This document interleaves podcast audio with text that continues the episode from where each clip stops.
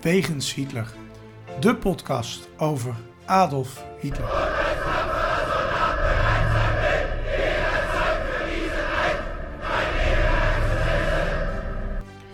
Dictator, alleenheerser van 1933 tot 1945. Een man met miljoenen doden op zijn geweten. Das war ein Befehl! Der Angriff Steiners war ein Befehl! Een man waar ongelooflijk veel verhalen over te vertellen zijn. Ook al die jaren na zijn dood. Adolf Hitler heute Nachmittag in seinem Befehlsstand in der Reichskanzlei bis zum letzten Atemzuge gegen den Bolschewismus kämpfen für Deutschland gefallen ist. In deze podcast gaan Sjoerd en Niels van Andel de wegen van Hitler af. Ze kijken naar bijzondere plekken, naar vroeger, naar nu.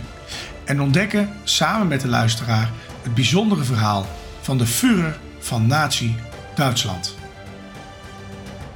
Sjoerd, een eh, nieuwe uitzending. We zijn er weer. En eh, we beginnen even met excuses aan onze luisteraars, want ze hebben ons een week moeten missen. Ja, inmiddels voelt dat niet meer zo als ze dit horen, want dan hebben ze de laatste uitzending. Maar onze laatste special die kwam wat later online.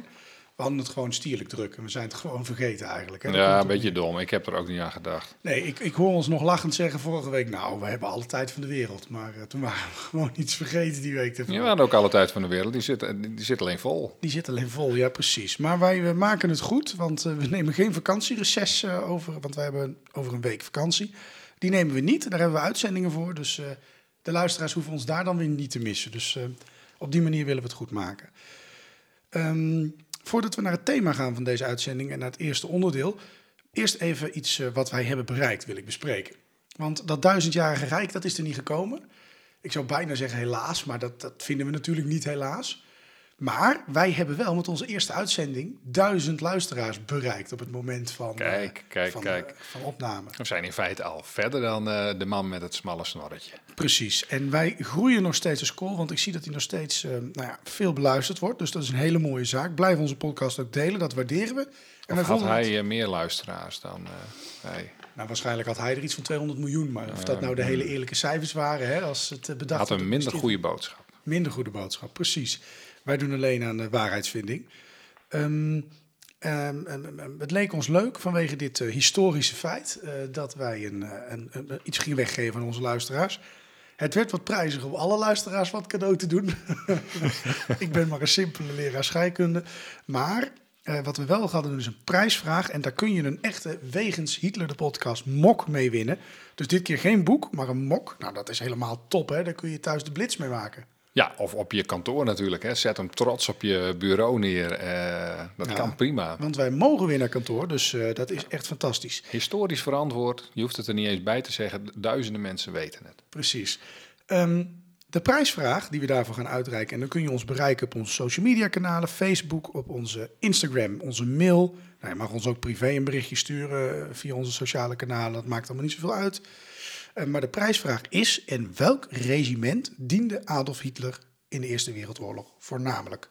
Nou, wij zien de antwoorden graag tegemoet en eh, nou ja, de, we gaan uit de goede antwoorden, we hopen natuurlijk vele goede antwoorden te krijgen, een eh, winnaar trekken. Ehm, en na deze fantastische huishoudelijke mededelingen stel ik voor, ook in het kader van de volle uitzending, snel te gaan naar Hitlers dagboek. Nein, nein, nein, nein, nein, nein! Hitlers dagboek. Waar was hij op welke dag en waarom? Ja, Hitler, 25 februari, Hitler. Ik noem die Hitler, hoorde je dat? Zou je Hitler... Oh, jongen, Oh. jongen, jongen, Oh. jongen. Nou ja, ik zou het er maar niet uitknippen. Want Nee, eh, nee, dat is eigenlijk een foutje. ja, ik weet niet. Misschien moet je die rode band afdoen. Maar goed, dat is het gewoon. nee, luisteraars, dit was een grapje om hier uit te kletsen. Ja, dat is een band van schaamte, eh, Niels. Ja, precies. Maar goed, eh shoot. 25 februari komt deze uitzending online. En er was iets in 1934 met onze Hitler, hè, 25 februari. Ja, dat is een interessante dag. Dat heette, dat heette toen nog Volkstrouwertaak. Dat is, trouwer is, is, is rouwdag. Um, daar vond een, een, een, toespraak in de Staatsoper in Berlijn uh, plaats en een kranslegging met, met Hindenburg bij het monument aan Unter den Linden. monument dat er nog steeds, niet, uh, nog steeds is. Um, nou, kijk, dan, dan, moet je een paar dingen even uitleggen. Wat is dat dan, die Volkstrouwertaak? Dat is een, dat is een rouwdag, zoals wij 4 mei hebben, zeg maar. Um, uh, en die volkstrouwertaak, dat is het interessante daarvan. Die werd heel snel daarna werd die, omgeturnd zeg maar, naar een heldengedenktaak. En dat is, een, is iets heel anders. Dat is geen rouwdag, maar dat is een, een dag waarin je gevallen soldaten vereert. Dan ga je stilstaan bij de helden. Dus dat, dat, dat gaf een heel andere dynamiek. Um, nou, een eh, ander dingetje, Hindenburg was erbij, op, opperbevelhebber van het, van het leger in de, in de Eerste Wereldoorlog, rijkspresident. En uh, nou ja, na zijn dood in augustus 34 uh, nemen de Nationaal Socialisten die dag ook over en maken daar een die heldengedenktaak van. Nou, um, de staatsoper, dat is even een detail. Als je in Berlijn bent, dan is daar de Bebelplaats, daar ligt hij naast. Dat, die, die, die, is bekend van de plek waar, eh, waar de boeken verbrand werden van de universiteit uh, tijdens de boekverbrandingen. En daar schuin tegenover ligt de Nooie Wagge. En dat is het monument waar ze dan uh, nou elk jaar kransen legden. Eerst op volkstrouwertaak en daarna al heel snel op heldengedenktaak. Ja, zo heldhaftig was die Eerste Wereldoorlog helemaal niet voor de Duitsers. Maar dat wisten de Nationaal Socialisten mooi te verdraaien. Ja, ja, er zijn natuurlijk heel veel helden in de, in de ogen van de Duitsers uh, gesneuveld. En uh, ja, uh, die kun je beter vereren dan daarom rouwen, want dat geeft een ander gevoel. Ja, ik moet altijd een beetje denken hierbij aan in... Um, ik ben ooit een keer mee geweest op schoolreisje naar München. En daar hingen in dat hotel hingen ook allemaal foto's van gevallen Eerste Wereldoorlogssoldaten. Met ook een soort, nou ja, wel van uh, onze helden die gevallen zijn. Uh, ja, ja, ja. ja, ja. Daar, daar, kijken ze nog zo naar, hè, eigenlijk. Nou ja, weet je, uh, als je op de begraafplaats in, in Berchtesgaden bijvoorbeeld kijkt, daar, liggen ze, daar hangen ze van, van de Eerste Wereldoorlog, maar ook, maar ook van de Tweede Wereldoorlog ook. Oh, nee, dat is ook wel... Nou ja, ik, ik snap het voor een deel ook wel. Er zitten jongens van, van 1920 bij die gesneuveld zijn in Rusland. Uh, weermachtsoldaten, uh, jongens uit het dorp. Die gewoon ook maar gestuurd werden en voor het vaderland moesten vechten. Uh, ja, nou ja, die zangen daar. Uh, Dietrich Eckhart, de coach van Adolf Hitler, ligt daar dus ook. Hebben we het al eens een keer over ja. gehad. Dus dat is weer van een ander kaliber. Ja, maar goed, maar, je, hebt, goed. je hebt de verkeerde ertussen zitten. Maar een, dat vind ik ook altijd lastig aan de oorlog. Hè. Dat, dat, dat, wordt steeds minder gevoelig. Mogen we herdenken de Duitse soldaten. Maar een, een gewone weermachtsoldaat, die was gewoon, ja, die moest ook. Ja, ja nee, dat weet je niet. Het zal er aan liggen. Wie je voor je hebt. Juist. Um, in een vorige uitzending hebben wij het gehad over um, uh, de, uh, een film op Netflix. En die film die heet, ik, ik pak even de titel erbij, want ja, dat, dat, ik ben goed in dingen behalve het onthouden. Uh, München im Angesicht des Krieges, des Krieges, ik moet het goed zeggen. Mijn Duits is niet zo goed, maar dat maakt niet uit. Ik red me prima. Um, en die film, nou, die vonden wij allebei erg goed. Ja. Ik, ik, hoop dat onze luisteraars hem misschien ook al gezien hebben. Anders raden we het zeker aan. En um, het leek ons goed om um, naar die plek waar dat zich heeft afgespeeld, dat hele gebeuren in 1938, uh, om daar naartoe te gaan. Dus in de plek vandaag, de Koningsplatz in München. De plek, een bijzondere plek of verhaal over Hitler. Ja, de Koningsplatz in München. Um, nou, ik noemde het net al. en dat was een, uh, een belangrijke stad. Het is de plek van de putsch. Ja. Daar, ja. daar, daar heeft Hitler zijn putsch, een mislukte putsch gepleegd. Uh, je kunt die leeuwen daar nog zien. Daar hebben we ook een keer een uitzending over gemaakt. Dus dat is zeker uh, de ja, moeite ja, waard om daar... Een, waar de, waar de, waar uh, de schietpartij plaatsvond inderdaad. Ja, precies. Hitler bijna dood was. Zeker dat is de, de Odeonsplatz trouwens. De Odeonsplatz. Ja, en dan, dan, dan liepen ze altijd zo op een gegeven moment naar de, de Koningsplatz. Dat hebben ze de eerste keer niet gehaald. Nee, de eerste keer zijn ze tegengehouden door een paar politieagenten. Ja. Um, in ieder geval, een belangrijke stad. München bleef altijd uh, in na de gedachtenis ook, hè, bij, de, bij, herdenkingen ook van die, van die putsch, uh, ja. belangrijk. Mm -hmm. um, aan dat plein, dat Koningsplatz, waren uh, belangrijke partijkantoren um, voor onder andere ambtenaren, voor onze Hitler zelf ja. en voor de partij. Ja. Um, we hebben het dan eigenlijk al over die tijd van de nazi's. Wat was er nou voordat die nazi's dat plein eigenlijk annexeerde. Ja, ja dit, is, dit is een gek plein nog steeds. Als je daar, daar oploopt, dan zie je eigenlijk heel veel leegte. En dat, dat moet daar in het begin ook zijn geweest. Um, heel veel uh, nou ja, stenen, uh, heel veel gras, waar, waar in de zomer ook allerlei studenten in gaan liggen. En, dus het is eigenlijk best wel gezellig.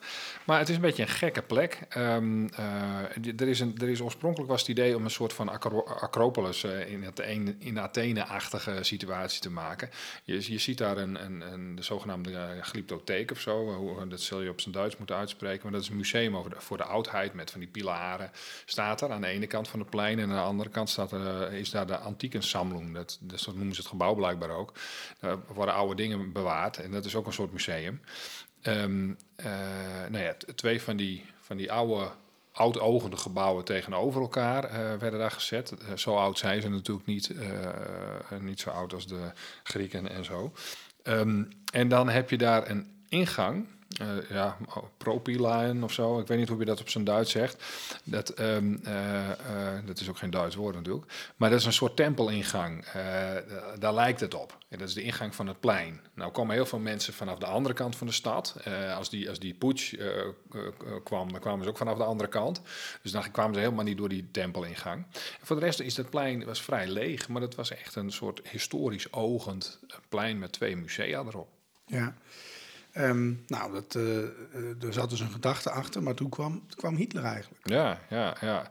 ja die had altijd in München gewoond, hè? dus die, die, die, die, die hoorde daar, die startte daar de beweging. Het is niet voor niets de hoofdstad van de beweging, uh, mm -hmm. is, is dat geworden. En um, dan, dan, dan heeft hij verschillende kantoren in de stad. Maar op het moment dat zijn partij groter wordt, kan hij zich ook veel meer veroorloven. Hè? Um, en dat begint dan met het, het Braune Huis, dat, dat, dat, dat sticht. Dus dat is een soort partijkantoor. Uh, en dat ligt aan dat plein.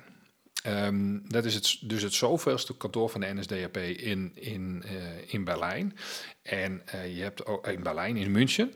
En uh, daar hangt bijvoorbeeld die pa grote partijvlak, de, de, de, de, de bloedvanen. Mm -hmm. En die is via die verschillende kantoren is die ook meegegaan. Dat is de vlag die bij de putsch een rol speelde. En uh, die uh, onder het bloed kwam van een aantal mensen die gestorven zijn en, en neergeschoten. En die, die, vlag die viel daarop en daar zat dan het bloed van die, uh, van die jongens zat daarop. En daar zegenden ze dan de andere vlaggen. Als er dan bijvoorbeeld een nieuwe beweging, een nieuwe lokale club was in, noem maar wat, Braunschweig. Of, weet ik, dan gingen ze met die vlag daar naartoe, hielden ze de vlagjes tegen elkaar aan. En dan was die als het ware symbolisch ingezegend. Nou, en, en die werd daar ook in dat, in dat Braune Huis, werd, werd die daarop geslagen. Met een hele mooie zaal met allerlei vlaggen en zo. Ja. Nou, uh, dat is dus een, een, een, echt een hoofdkwartier op niveau. Een groot gebouw dat ook vroeger wel gebruikt werd. Dat stond er al. En nou ja, om dat even af te maken, dat verhaal van die bloedvanen. Dat gebouw wordt aan het eind van de oorlog wordt wordt dat gebombardeerd. En dan verdwijnt ook die bloedvanen. Die is waarschijnlijk gewoon in de vlammen opgegaan. Maar ja, er zijn allemaal spannende verhalen dat die nog zou bestaan. Um, dat gebouw dat ging plat. Heeft een hele tijd heeft daar een, een, een, een soort grasveldje gelegen. Um, en uh, nu staat daar een echt interessant uh, documentatiecentrum. Dus als je in München bent, moet je daar even naar binnen lopen. Want nou, daar leer je een heleboel meer over München in die tijd.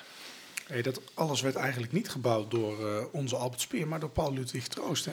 Ja, de, en volgens mij hebben we het wel eens over hem gehad in het kader van een luchtongeval. Uh, en uh, nou ja, die twee en dan de opvolging van elkaar. Nee, dat was trouwens niet Troost, want dat was een. Wie was dat ook alweer? Nou ja, goed, in ieder geval. Um, Toot was dat. Toot was dat, die ging ja. ook dood. En, en Troost, dat is dan de, de, de, de ontwerper van de gebouwen die daar staan. Dat is een architect, net zoals Albert Speer. En um, uh, Troost is echt uh, op dat moment wel, wel ongeveer een van de grote mannen van de, van de natiebeweging. Als het ging om in ieder geval de architectuur. Die uh, ontwerpt die gebouwen na de machtsovername. Die schrijft, zet daar twee identieke gebouwen neer. Uh, met heel veel ramen en, en pilaren en er is symmetrie tussen die gebouwen. Als je er ook voor gaat staan, nu, nu staan er twee rijen bomen. Die zie je trouwens in die film ook terug. Dus dan kun je precies zien van het is nu opgenomen. Toen mm. stonden die bomen er nog niet. En dan had je aan de ene kant zeg maar, als je ervoor staat, heb je aan de linkerkant de Führerbouw, het kantoor van Hitler. En aan de andere kant het uh, verwaltingsbouw, uh, het administratiekantoor. De nou ambtenaren zitten daar. Links is inmiddels een, een, een, een, muziekschool. En rechts zit, eh, zit een museum in. Rechts kun je ook naar binnen. Links kon je altijd naar binnen. Ik ben er nog binnen geweest, maar eh, op de Bonnefoy, je komt er niet meer in. Dus dat is een beetje jammer. Je moet achter een student aanlopen en dan, eh, dan Hopen dan dat kom je niet betrapt wordt. Ja, of je moet het op, of je moet het proberen aan te vragen. Dan kan het wel. Dus ik moet dat nog eens een keer doen, want ik wil het kantoor van, van Hitler eigenlijk nog eens een keer binnen. Ehm, nee, eh, van buiten zien ze er precies hetzelfde uit, of behoorlijk hetzelfde. Alleen van binnen is die vurenbouw natuurlijk wat luxer. Bredere trappen met, eh, met rood eh, marmer. En in die, eh, in die andere zijn die, die, eh, dat andere gebouw zijn de trappen, de grote centrale trappen zijn er niet, die, zitten aan de zijkant. Ehm, ja, er hebben op een gegeven moment tunnels gelegen tussen die twee gebouwen, zeggen ze. Ik weet niet of het waar is. Ik heb ze niet gevonden. En volgens mij is het ook weer die onzin die altijd omgeven. Hitler wordt altijd omgeven door tunnels. Eh, in de kelder, dat is wel waar, hebben ze ooit kunst eh, proberen te beschermen en opgeslagen tegen, tegen die bombardementen. Eh, en dat is ook weer verdwenen. En dat ligt of in een museum nu in München, of het is überhaupt verdwenen. Ja. Nou, die vurenbouw is dus niet meer to- toegankelijk, maar die, die andere wel. Dus ga je kijken, ga even het rechte gebouw in, dan krijg je in ieder geval een idee. ja, precies. Nou, je kunt het van binnen dus nog zien dus, eh, in die film. Hè? Dat, Ja. Want ze Ja. zullen het niet helemaal verbouwd hebben voor één film. Nee, kan ik de open haard van Hitler is er nog, zeg maar. Precies, nou, van Van. Stoken hield hij wel. Ja. We hebben het al eens gehad hè, in het kader van dit plein. Eh, ik noemde het net ook al, over die putsch. Die speelt hier gewoon een belangrijke rol. Ja, dat, nou ja, weet je, het was in eerste instantie helemaal niet de bedoeling dat, dat, dat, die, dat, die, dat die stoet daar naartoe ging. Want die hadden hele andere missies. Die wilden, naar het, eh, die wilden de, de- het regime omgooien. En er was op, dat, op dat, die Koningsplaats was eigenlijk niet zoveel te doen. Maar toen ze daar die partijgebouwen hadden staan, toen hebben ze daar meteen tussen die gebouwen, ook weer symmetrisch, twee een soort, soort, soort ere-tempels gebouwd. En daar werden die eh, ge- gedode putschisten, die werden daar begraven. Ehm, nou, die, die, die, dat, dat, die twee dingen zijn opgeblazen. De sokkel daarvan is daar nog. Maar tijdens Hitlers tijd eh, liepen ze naar de Odeonsplatz, de plek waar dat gebeurde, eh, liepen ze door en dan kwamen ze op dit plein tussen die twee eretempels en dan was daar een ritueel natuurlijk. Een hele drukke toestand.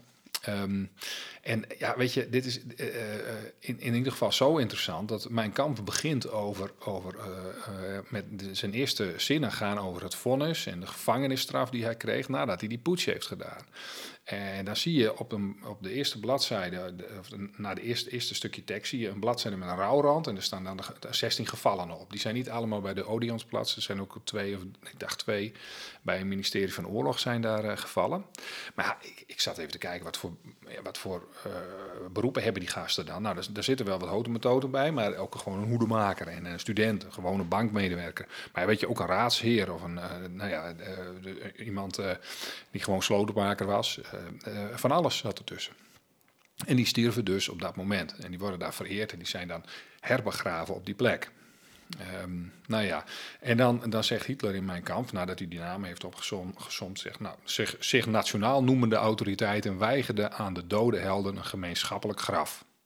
Dat hebben ze dus blijkbaar geprobeerd. Dat werd genegeerd. En toen hebben ze de macht gegrepen. Of, nou ja, ze zijn met verkiezingen en wat gekonkeld zijn ze aan de macht gekomen. En toen hebben ze meteen de kans gegrepen om daar die mensen een gemeenschappelijk graf te geven. Ik weet niet of ze de familie gevraagd hebben om, eh, om, toestemming. Eh, het ging gewoon gebeuren. Ik wou net zeggen, Hitler kennende werd, dat, eh, werd er niet veel gevraagd. Ehm, in je boek, Het cadeautje van de Führer, is dit plein ook al een keer terechtgekomen. Ja, er is een, een, klein verhaaltje in een, in, een, in een ander verhaal van het, waar we het misschien wel eens over gehad hebben. Een verhaal over Maurice Bavot, die probeerde een aanslag op Hitler te plegen. En dat gebeurde ook in, in München, probeerde hij dat en op de Obersalzberg. En dan doet hij eigenlijk eh, poging 2 en dan probeert hij met een vervalste brief probeert hij bij Hitler binnen te komen. Want het, eh, het is hem gewoon niet gelukt. Hij heeft een pistool bij zich, loopt eerst naar het Braune Huis toe, loopt dan naar binnen met een pistool en een envelop met een brief. En hij denkt, als ik nou een brief heb en die moet ik overhandigen persoonlijk, dan kom ik dichtbij hem. Hitler is daar helemaal niet. Hij is ook niet in de vurenbouw. En er wordt tegen hem gezegd, van, joh, weet je, ehm, als je hem persoonlijk wil geven, dat wordt hem niet, ga maar opsturen. En dan verlaat hij eigenlijk gewoon dat gebouw. Het eh, verhaal, het complete verhaal, dat eh, eindigt tamelijk triest. Eh, maar ja, goed, dan moet je dat boek maar een keer kopen. Ehm, Het belangrijkste wat op politiek gezien op deze plaats eh, gebeurde, dat was eigenlijk die München-overeenkomst. Ja, ja, ja. De Münchener Abkommen, eh, Munich Agreement, eh, het bladje van Hitler op zijn Fries. Dat kan ook nog. Maar dat was in die vurenbouw dus. Hè? Dus dan heb je het over 29 september 1938. Nou, dat is echt het meest historische, het interessantste gegeven wat daar heeft plaatsgevonden. Ik vind het altijd een beetje... ehm, nou, ik vind het nogal opvallend dat er zo weinig eh, interessante dingen gebeurd zijn. Er zijn meer, meer eh, eh, nou ja, belangrijke dingen voor mijn gevoel nog be- bekokstoofd op de Obersalzberg dan, dan op, dat, op die plek. Eh, maar deze is er in ieder geval één van. En in deze tijd ook een hele interessante, hebben we het straks nog over. Ehm, kijk, Duitsland, Frankrijk, Italië, Groot-Brittannië, die komen daar samen. Het is een bekend verhaal. Ze hebben overleg in de Kamer met de Open Haard, waar we het zo net over hadden. En dat gaat over Tsjecho- Tsjechoslowakije. In eerste instantie- instantie over de Sudeten-Duitsers. Die willen, die wil hij erbij hebben. Dat zijn Duitsers, die moeten bij Duitsland horen. En ehm, nou ja, eh, ze delen dat, ze, ze regelen dat. eh, ze weten dat Hitler dat wil en dat hij anders gaat ingrijpen. Maar ze hebben, overleggen niet even met Tsjechoslowakije van jongens, wij gaan dit even met jullie, eh, voor, jullie regelen. Nee, die weten eigenlijk, nou, die weten wel dat er iets gaande is, maar toch. En dan heb je Chamberlain, die wil natuurlijk geen oorlog. Dat komt in die film ook heel mooi. laat, laten ze dat zien. En dan- wordt hij niet meteen ook tot op de grond eh, neergesabeld. Ehm, en dat is misschien ook wel een interessant eh, gegeven. Want die man die wilde blijkbaar eh, absoluut geen oorlog. Chamberlain was tegen oorlog. Dat zie je dus ook heel mooi in die film. Je noemde dat al, hè? En ehm, het, het meest beru ja, beruchte, bekende bijna wel, hè? Ehm, ehm, dat we daarvan kennen, is dat hij met dat briefje staat te wapperen op het eh, Ja. vliegveld. Ja. Ik, ik moest even op het woord komen. En dat hij dan roept, peace for our time. Nou, dat, dat heeft hij inderdaad bereikt. Want een jaar later was er een grote wereldoorlog. Ja, En niet lang daarna is Chamberlain ook eh, bedankt voor zijn eh, diensten. Ehm, ja, en eh, dat is misschien wel het mooiste. Hè? Ehm, ehm, Chamberlain die vertrouwde op deze plek, hè, de belangrijkste politieke gebeurtenis, op het woord van Hitler, op de formulieren die Hitler had getekend. Maar het werd maar weer eens pijnlijk duidelijk dat op een alleenheerser eigenlijk zelden te vertrouwen is. Ja, nee, ja. Ja, En dat zien we Nee, eigenlijk nu ook weer. ja, ja, Dus ja. ik stel voor dat we snel doorgaan naar het volgende onderdeel, de ad Hitlerum. De ad Hitlerum, het onjuiste gebruik van Hitlers naam. Ja, Sjoerd, ehm, de eerste ad Hitlerum, die ehm, komt van een luisteraar. Want wij hebben een, een noodoproep gedaan en die noodoproep blijft natuurlijk gelden, want het wordt steeds moeilijker. Ehm, Maar hij had een mooie. een zuivere. Maar Ja. eh, Richard Schut, eh, dank voor jouw eh, inbreng. Vaste luisteraar heb ik begrepen. Dus wij zijn heel blij dat je ons een, een ding hebt in kunnen sturen. Ehm, en hij tipte ons over de Zweedse schaatser Niels van der Poel. Nou, de naam is al fijn. Ehm al schrijf je het verkeerd. ja, ja, dat- ja, ja, dat klopt. Ja. Ja. Maar volgens mij moet het wel zonder die E, hè? Ja, dat officieel wel, geloof ik. Bij hem Wist je trouwens dat de naam Niels overheerser van het volk betekent? Of overwinnaar van het volk? Weet je dat een naam Stuart de dappere overwinnaar betekent? Oh, dan dat komt overigens van Seward. En dat klinkt alweer weer wat was Sievert, eh Siegfried, dat zit in dezelfde hoek. Eh Siegfried was wel een favoriet personage van eh, Hitler, zeg maar. Ja, En, het, eh, het heeft al die tijd in de sterren gestaan. het is, maar dan is dat Niels, dat is ook een beetje fout. Ja. Net zoals mijn naam. Precies. Dus eh, fijn dat wij samen deze podcast doen. Ja, Terug naar het punt. Niels van der Poel, die vergeleek de Spelen in China met eh, de eh, Spelen in Nazi-Duitsland in 1936. Ehm, eh, als ik me niet vergis, ik zie jou niet heel hard nee schudden, dus ik zal het goed nee, hebben. Ja, Ehm, dat kun je trouwens nog steeds bekijken, dat Olympisch Stadion. Dat is nog steeds in gebruik. ja zeker. Eh, dat is, Prachtig stadion, moet ik zeggen. Ik vind het heel mooi. het is heel mooi. Zeker. Je ziet ook nog dat er geschoten is. Je ziet ook nog wel Mhm. dat hier en daar een stukje dat er echt gevochten is. Dat is ook Ja. echt hard om gevochten. Ehm, ja, wij zijn er geweest, nu bijna tien jaar geleden ben ik daar met jou een keer geweest, met school. En Ja, eh, ja. ehm, wij hebben toen iets bijzonders gemogen. We hebben op de vuurbalken niet mogen staan, hè, op het vuurrailbalkon. Ja, dat, dat mag niet altijd bij de rondleidingen. Met, eh, soms kom je daar gewoon niet op, op terecht. Of er staat er een ander groepje. Of weet ik veel wat allemaal. Nou, ik ben er inmiddels een paar keer geweest. Maar ehm, ja, eigenlijk is het ook fake. Hè? Want eh, daarvoor was die een stuk langer. Ja. En eh, dat stukje dat het langer was, dat hebben ze er op een gegeven moment afgehaald. En dat Ja, was, hij heeft ook weer een symbolische functie, maar we hebben er wel gestaan. En op die plek was hij natuurlijk Ja, ook. precies. Dus Wij een beetje een rare gewaarwording. Verantwoording. Wij zijn gewoon heel dicht. Historische sensatie hebben wij gewoon ervaren. Ehm, maar goed, hij vergeleek die spelen dus hè, met, met die van Nazi-Duitsland. Ehm, en het bericht in de AD was, Van de Poel uh, zei er niets over tijdens de Spelen. Hij heeft felle kritiek op de keuze van het IOC voor China. Ik vind het echt verschrikkelijk. China schendt volgens hem de mensenrechten schaamteloos. Hitler organiseerde ook Spelen voordat hij Polen binnenviel. En Rusland deed dat bij Oekraïne. Nou, is dit nou een zuivere ad Hitler? Ja, wat vind jij? Uh, nou ja, er wordt, er wordt, China wordt hier in overeenkam geschoren met het, het nazi-regime. Uh, letterlijk ja. Hitler wordt ja. genoemd. Dus het is, het is een, um, ja. het is een ad Hitlerum. Maar of die, ja... Ja, en, en een uh, ad Putinum ook meteen. Hè, ja, meteen. Die hebben we er ook even bij, bij gehaald. Um, maar ja, dat is, het is er wel een, ja, vind ik ook. Ja, ik vind het misschien nog wel een vergelijking die een beetje opgaat zelfs. Moet Jawel, ja, ja. Met Poetin wat minder, maar met, met, zeker met wat China doet... Uh, bij bevolkingsgroepen. Ja, uiteindelijk klopt die natuurlijk weer niet, want je vergelijkt weer twee grote regimes met elkaar. En mm -hmm. weet je, uh, het gaat over mensenrechten, Polen binnenvallen. Er zit een, paar jaar tussen trouwens, die, de, de, voordat na de Spelen Polen wordt binnengevallen. Uh, uh, weet je, um, aan de andere kant zo'n interview, dat, ja, dat vind ik dan ook weer niet echt, echt een plek voor nuance of zo. Dus, dus hij, hij roept iets op en ik begrijp hem wel. Maar het is niet hetzelfde. Nee, maar, maar vind jij dat, want dat zie je vaker, hè? Je ziet dat nu, uh, nou goed, het is misschien al een beetje van vroeger naar nu stiekem dat ik hierbij pak. Uh, je ziet nu ook dat uh, de Champions League finale moet geloof ik in Rusland gespeeld worden. Wordt gezegd, mm -hmm. dat gaan we niet doen. Um, er zijn dingen die niet goed gaan in China, waar ik, nou ja, nou ja, ik denk niet dat wij het überhaupt eens zijn met wat daar gebeurt met mensen uitmoorden, ook in China. Nee, nee, nee, nee. Um, dus we moeten niet naar die Spelen gaan. Um, er gaat dingen verkeerd in Qatar met het WK voetbal, dus we moeten niet naar het WK gaan. Is sport politiek? Nou ja, dat is die, dat is die vraag die eigenlijk elke keer weer boven komt uh, drijven. Ik, vond, ik, heb, ik heb ontzettend gelachen. Ik had dit al voorbereid. Heb ik hem jou al gemaild. En toen uh, kwam Arjen Lubach met zijn eerste uh, verhaal. En die had het hier ook over. Die liet dat zien. En die, die, die, die had het niet alleen over Um, over die sporters die er naartoe gingen. Maar hij zei ook van ja, moet je eens even luisteren. De NOS zendt het gewoon uit. En pot voor drie. En die verdienen er ook geld aan. Want ja. de Nederlandse publieke omroep verdient gewoon grof aan. Heb jij naar de Olympische Spelen gekeken, Niels? Nee. Ja, ik heb er niks mee. Weet je wanneer ik het kijk? Shit, dan ben ik de enige, ja, enige natie hier. Ja, want dat, ik bedoel, als ik dan kijk, dan ben ik een aanhanger ik van het regime. Vlaggen. Via, via, ja. via China ben ik dus eigenlijk gewoon een, een, een nationaal socialist. Of zoiets. Of een bewonderaar. Nee, zo, zo idioot is het natuurlijk niet. Dat snapt de luisteraar ook wel, dat ik nee. hier enigszins cynisch ben.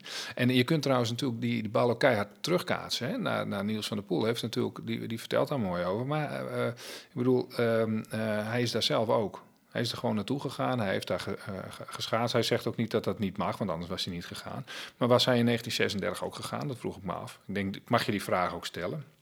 En dat bedoel ik niet eens lullig, hè. Uh, uh, maar kijk, zijn principes uh, zijn ook ondergeschikt aan zijn eigen belang. Hij wil namelijk een gouden medaille halen en daar gaat hij er naartoe. Ja. Dus dan is het misschien een beetje makkelijk om dat achteraf te zeggen. Zijn gouden medaille is belangrijker dan mensenrechten, kun je afvragen. Alleen, ik heb ook zitten kijken. Ik heb van die man genoten. Ik van het, dat schaatsen, ik, ik hou wel van schaatsen. Dat, dat zit er een beetje als vriezen in, in geramd. Mm -hmm. En... Um, maar ja, dan mag ik dus, daarom maak ik mezelf ook belachelijk in, in die zin. Ja. Is, zij spelen politiek, zou ik niet aan willen beginnen, maar je mag best een klein beetje nadenken over uh, nou ja, hoeveel mensen er sneuvelen bij, een, uh, bij het bouwen van een stadion. Of dat uh, de, de, rechten van mensen wat beter in de gaten worden gehouden in dat soort landen. Maar dat gaat wel heel makkelijk die kant op. Wat ik ook wel lastig vind, hè, want ik praat het niet goed, maar wij zijn zelf, nou, ik, ik kan me herinneren dat we nou, misschien vijf, zes jaar geleden ook mee hebben willen doen om de Olympische Spelen weer eens te gaan organiseren. En dan roepen wij hier allemaal heel hard, dat kost ons te veel geld, dat gaan we niet doen. Ja, ja maar als niemand, ze willen het in ieder geval betalen. Ja, ja, ja. Ik wil nog één ding zeggen. Want ik, ik vind het fantastisch prachtig dat, dat zeg maar, hij is niet consequent. Nee. Maar ik ben ook niet altijd consequent. En ik, ik, ik, het, het, het recht om inconsequent te zijn, daar ben ik uh, gigantisch voor. Want uh, als je alleen maar stug bij dezelfde mening blijft en je er altijd aan houdt, dat is ook niet helemaal normaal. Je moet daar ook, uh, ja, weet je, wil je in, op de top van je kunnen. Wil je een medaille halen, dan zul je mee moeten bewegen daarmee. Uh, hoe vervelend dat ook is. Ja. Um, maar ja, uh, het is, het ik is weet niet wat ik ervan vind. Ik vind het een lastige. Het is een lastige, precies. Wat ik bij alleen nog even afvroeg. In 1936 was Hitler toen al zo hard bezig met jodenvervolging... dat, Want dat haalt hij er wel even doodleuk bij. Maar Nou, ze hebben in 36 hebben ze, eh, daar hebben we het alles over gehad. Hè, hebben ze die, eh, hebben ze natuurlijk heel veel, in Berlijn in ieder geval, hebben ze heel veel bordjes, dat, dat, dat Joden niet op bankjes mochten zitten, hebben ze allemaal weggehaald. Ze hebben even de maatregelen wat, eh, wat gedimd. Maar we hebben het ook gehad over die, die Joodse eh, kolonel, of wat was het, die het, het Olympisch dorp mocht bouwen en die daarna eh, eigenlijk geen promotie en daarvoor ook geen promotie had gehad en van ellende een zelfmoordpoging deed. En die, die lukte ook. ja. Eh, Dus, dus de druk was al gigantisch. Alleen even tijdens de Spelen en daarna eh, wat minder. ja, Dus, precies. dus, dus het wat- is wel serious. eh, het is echt wel een serieuze eh, vergelijking die eh, Van der Poel daar doet. Ook met eh, eh, nou ja, bevolkingsgroepen in, in China. Eh, foto's van kampen die ik daar zag. Ehm, eh, maar als dat zo belangrijk is, dan moet je eigenlijk met z'n allen zeggen: daar gaan we inderdaad niet naartoe. Eh, maar hebben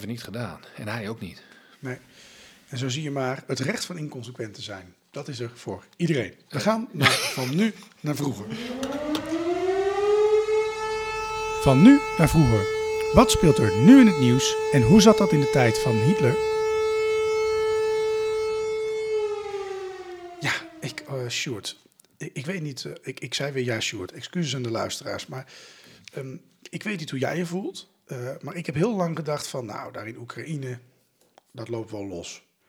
En toen werd het maandagavond en ik zie, ik hoor het geluidje van de NOS. Ik denk, oh help. Het is raak. Ik kijk en ik zie daar groot staan.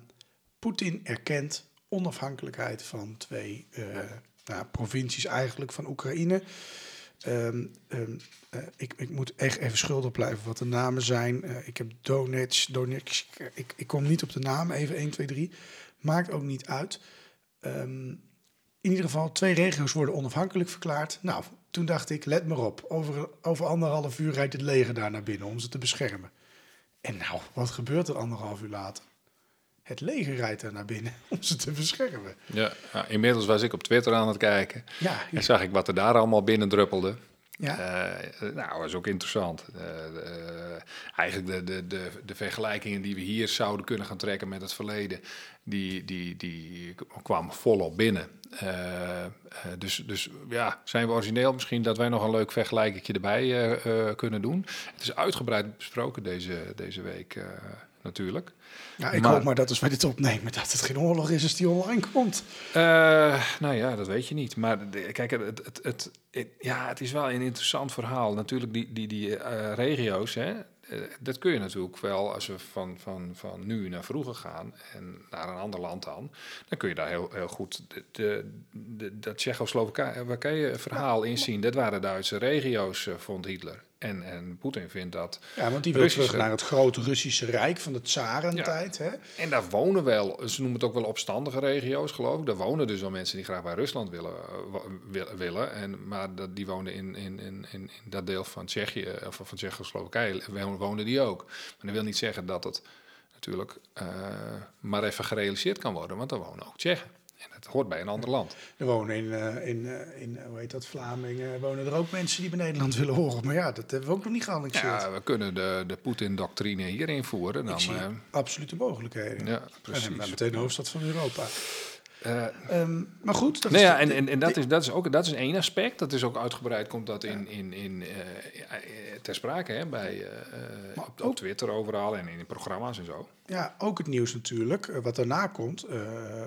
Ambassadeurs worden teruggetrokken. Dat is de hoogste politieke, of ja, moet dat zeggen? Nou, politieke Mhm. Ja, ja. vertegenwoordiging durf je toch wel zeggen in een land. Ehm, dus hè, dat, dat heb je enerzijds. Ehm, ehm, de ministers willen niet meer met elkaar praten. Ik geloof die van Amerika heeft gezegd: ik zie hier geen zin meer in. Of eh, en Nee, in Oekraïne, nee. want, want ze doen toch waar ze zin in hebben. Ja. Maar Biden- daarvoor was de, was de communicatie vanuit Rusland eigenlijk al gestopt. Eh, Poetin die, die wil op het moment dat hij van weet dat, dat, dat, dat, dat, dat hij dat van plan is, wil hij eigenlijk niet meer communiceren met. eh, en dat doet me dan ook weer denken aan Hitler. Ja. Hitler die stapt uit de Volkenbond, die wil eigenlijk, niet, die wil eigenlijk ook niet communiceren met. eh, tijdens dit, dit- dit- dat verdrag van, van, van München heb ik wel eens bes- beschrijvingen gelezen. dat- dat- hij zegt van ja, ehm, eh, Hitler wilde eigenlijk helemaal niet Nee, dat overleggen. schijnt ook door, eh, door Het vertraagt alleen maar de binnen, het binnenvallen van heel het eh, Tsjechoslowakije. Mussolini schijnt daar ook wel in onderhand te hebben van, joh, kom nou Hitler en dat, dat die benaderd zou zijn. hè? Ja, en, en dan, dan staat hij toch een beetje klem en dan do- doet hij dat toch. Maar dat is wel vergelijkbaar met de, de, de onwil om dan nog te communiceren, want je wil toch.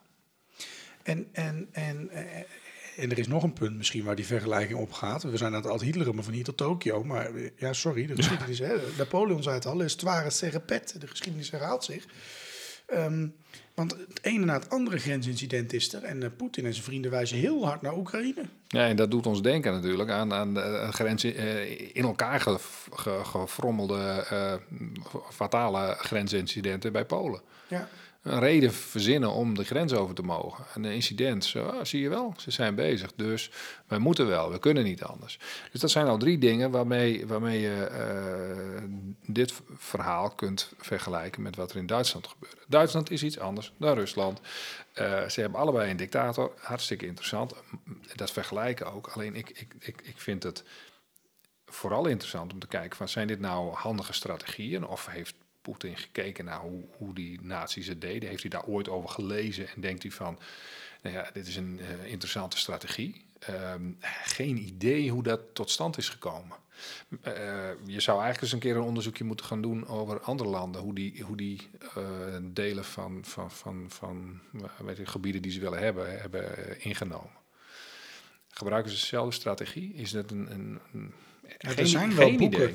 Er is wel een boek over. eh, ik heb het niet gelezen hoor. Dus het, ik heb er stukken van gelezen of ook uitlegvideo's over gezien. Eh, de Dictators Handbook. Dus hoe een Ja, dictator. ja, en, en, misschien is het interessant om het hier ook eens over te schrijven. Wat nog één dingetje is wat, wat vanavond op het nieuws was. Dus dat, dat, eh, eh, misschien kun je daar iets over zeggen. Ehm, de gasprijzen zijn enorm hoog geweest. Eh, daar heeft Rusland flink geld aan verdiend. Een van onze hoofdleveranciers, hè, 40, 50 procent van ons gas komt uit Rusland. Ehm, en er wordt nu gezegd van nou, het lijkt er eigenlijk wel op dat Poetin expres een beetje de prijs heeft opgedreven. Zijn reserves heeft aangevuld financieel en het nu lang uit kan zingen. Was Hitler ook zo goed voorbereid toen hij dit soort dingen ging doen? Of, of, of deed Hitler maar wat en hoopte hij op een goede afloop? Nou, dat is, een, dat is een leuke, want ik heb natuurlijk ook al een special heb ik voorbereid. En daar komt dit toevallig in ter sprake. Dat is Nou, een, dit dat is een leuke. dit is wel Dat toeval, leuke, want dat had ik niet voorbereid. Ja, nee, maar dat is wel... Ik ga toch een... een ehm, kijk, we hadden het over Polen. En eh, toen Hitler Polen binnenviel... ehm, toen was hij eigenlijk eh, alleen maar voorbereid op een hele korte oorlog. Hij had gewoon geen voorraden. En die voorraden die die, die, die hij in zijn hoofd had, die kwamen niet. Dus, de- dus die, die werden niet gerealiseerd. Ehm, en eh, toen dat lukte, in een korte oorlog Polen pakken... toen is, is er meteen een overeenkomst met Rusland gesloten. Een handelsovereenkomst. En dat heeft eigenlijk Duitsland gered. Financieel. Er komt heel veel materiaal eh, vanuit, eh, vanuit Rusland dan Duitsland binnen... waar ze ook weer meer wapens mee kunnen eh, maken... en, en nou andere goederen kunnen ontwikkelen. Dus ehm, heb je er voordeel van als je een beetje handig... ehm, eh, ja, dat zou maar zo kunnen.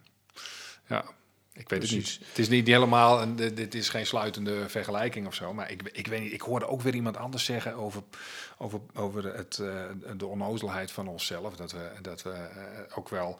eh, dat wij geen lange termijn contract wilden, wilden sluiten met, met, met Poetin. Ehm, eh, en nou ja, dat daarom de prijs ook omhoog ging. En dat dat eigenlijk een, een, een- wel een logisch economisch principe is of zo. Ja. En zo ik is weet het niet, toch. ik weet het niet. Zo is dat toch allemaal heel lastig. Hè? Ik denk een, eh, een volle uitzending waarin we een hoop hebben besproken. Ehm, de Koningsplaats, hè, de, de plek waar maar eigenlijk één belangrijk politiek akkoord uitgekomen is. Het akkoord van München, waarin eh Tsjechoslowakije werd opgedeeld. Ehm, een akkoord dat vrede moest brengen. Een akkoord dat moest zorgen dat Europa en de wereld nooit meer in oorlog zou komen. We leven in spannende tijden. We leven in tijden waarin de geschiedenis zich misschien wel herhaalt. En ehm, ik denk dat ik afsluit met de legendarische woorden van Chamberlain. Peace for our time.